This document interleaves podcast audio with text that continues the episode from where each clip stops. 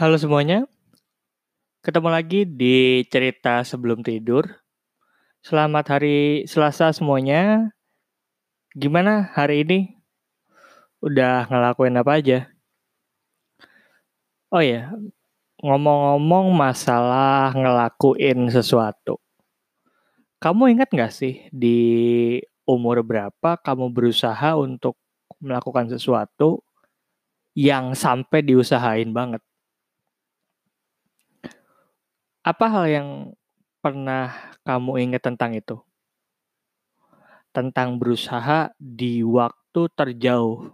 Waktu ketika kita masih kecil. Saya ingat masa di mana dulu ketika saya mau beli HP. Kelas 5 SD. Saya kumpulin uangnya dari uang yang saya dapat pas dulu saya sunat walaupun belum cukup tapi saya bela-belain dulu pas SD puasa jajan cuman buat beli handphone itu. Nggak puasa juga sih sebetulnya. Jadi ceritanya dulu saya punya temen namanya Bayu saya ingat banget. Dia itu suka dia itu anak baru baru masuk di SD saya itu kelas 4 dan satu-satunya teman dia waktu itu adalah saya.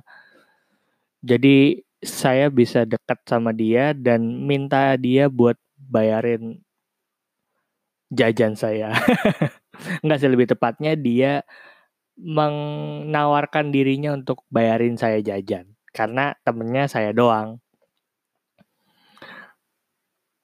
Agak aneh sebenarnya kalau dipikir anak SD minta HP yang agak bagus waktu itu. Sony Ericsson mereknya. Saya lupa serinya itu seri apa.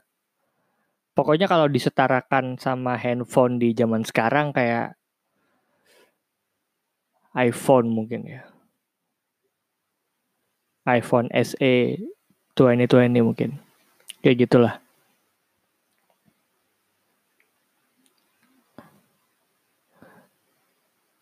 Terus kalau kembali lagi ke masa sekarang, kegiatan berjuang saya yang terakhir mungkin ya ketika ngerjain podcast ini. Well, nggak tahu bisa dianggap berjuang atau enggak, tapi saya sendiri nggak pernah ngira kalau podcast ini bakalan bisa sampai ada di posisi sekarang. Berbagai hal saya omongin di sini, bahkan yang saya awalnya nggak ngerti kayak tentang obat-obatan dan kefarmasian yang pernah saya omongin dan saya rekam beberapa waktu sebelumnya.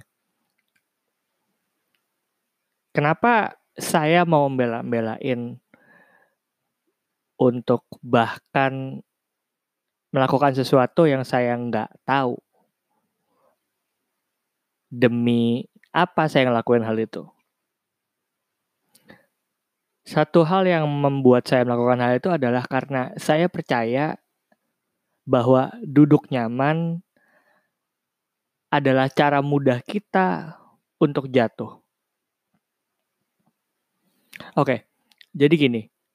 Kalimat itu pernah saya dengar dari Mark Zuckerberg, bos Facebook. Yang ketika saya pikir kayaknya ada bener juga ya kadang orang terlalu nyaman sama zonanya sampai nggak sadar bahwa zona nyaman itu punya masa berlaku. Zona nyaman itu bisa kadaluarsa. Bisa jadi ketika zona nyaman saya kira-kira luasnya 2 kali 2 meter. Saya diam, saya nyaman aja di situ dengan apa yang sudah ada. Tapi yang saya nggak sadar adalah orang-orang udah punya zona sendiri yang luasnya lebih luas dari saya. Intinya zona nyaman atau zona seseorang itu harus tetap berkembang. Kalau dulu saya nggak ngabisin uang jajan saya sebulan buat beli mikrofon untuk rekaman podcast ini, mungkin sekarang saya nggak bisa ngomong hal ini.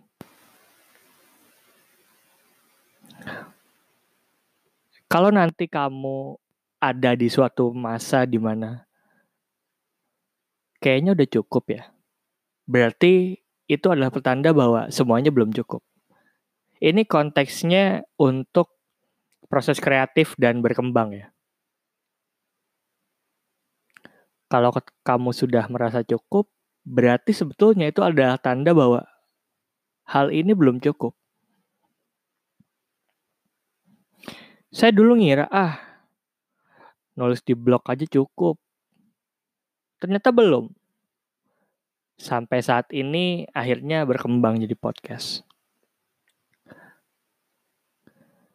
Intinya kita nggak bisa diam-diaman aja dalam hal apa pun, terutama dalam proses kreatif, dalam proses berjuang. Karena ketika kita sudah ada di zona nyaman, kita mikir, oh, ngapain saya melakukan hal itu? Saya udah punya zona nyaman sendiri kok saya udah punya hal yang bisa saya lakukan dan tidak perlu berusaha apa-apa kok tidak perlu jatuh lagi saya udah capek ya jatuh berkali-kali udah saya nyaman aja dengan hal ini sampai nanti ketika hal itu sudah kamu rasakan mungkin itu adalah cara yang paling mudah buat terjatuh nantinya karena nggak ada yang tahu bagaimana waktu bekerja Nggak ada yang tahu gimana takdir bekerja. Saya ngerasa semua harus terus berkembang dalam hal apa pun. Dan kalau kita nggak mau berusaha, bisa jadi orang lain sedang berusaha untuk ngerebut takdir kita, ngerebut jalan yang harusnya kita milikin. Akhir kata, kalau kamu masih dalam posisi berjuang, semangat. Kalau ada di fase-fase yang lelah, ingat gimana dulu pas kamu mulai semuanya. Sudah sepanjang ini, masa mau diakhirin sekarang? Tetap berkembang dan yang paling penting nikmati prosesnya. Oke, kalau podcast ini didengerin sebelum tidur, selamat tidur. Besok pasti akan lebih baik dari hari ini dan sampai jumpa lagi di cerita-cerita selanjutnya.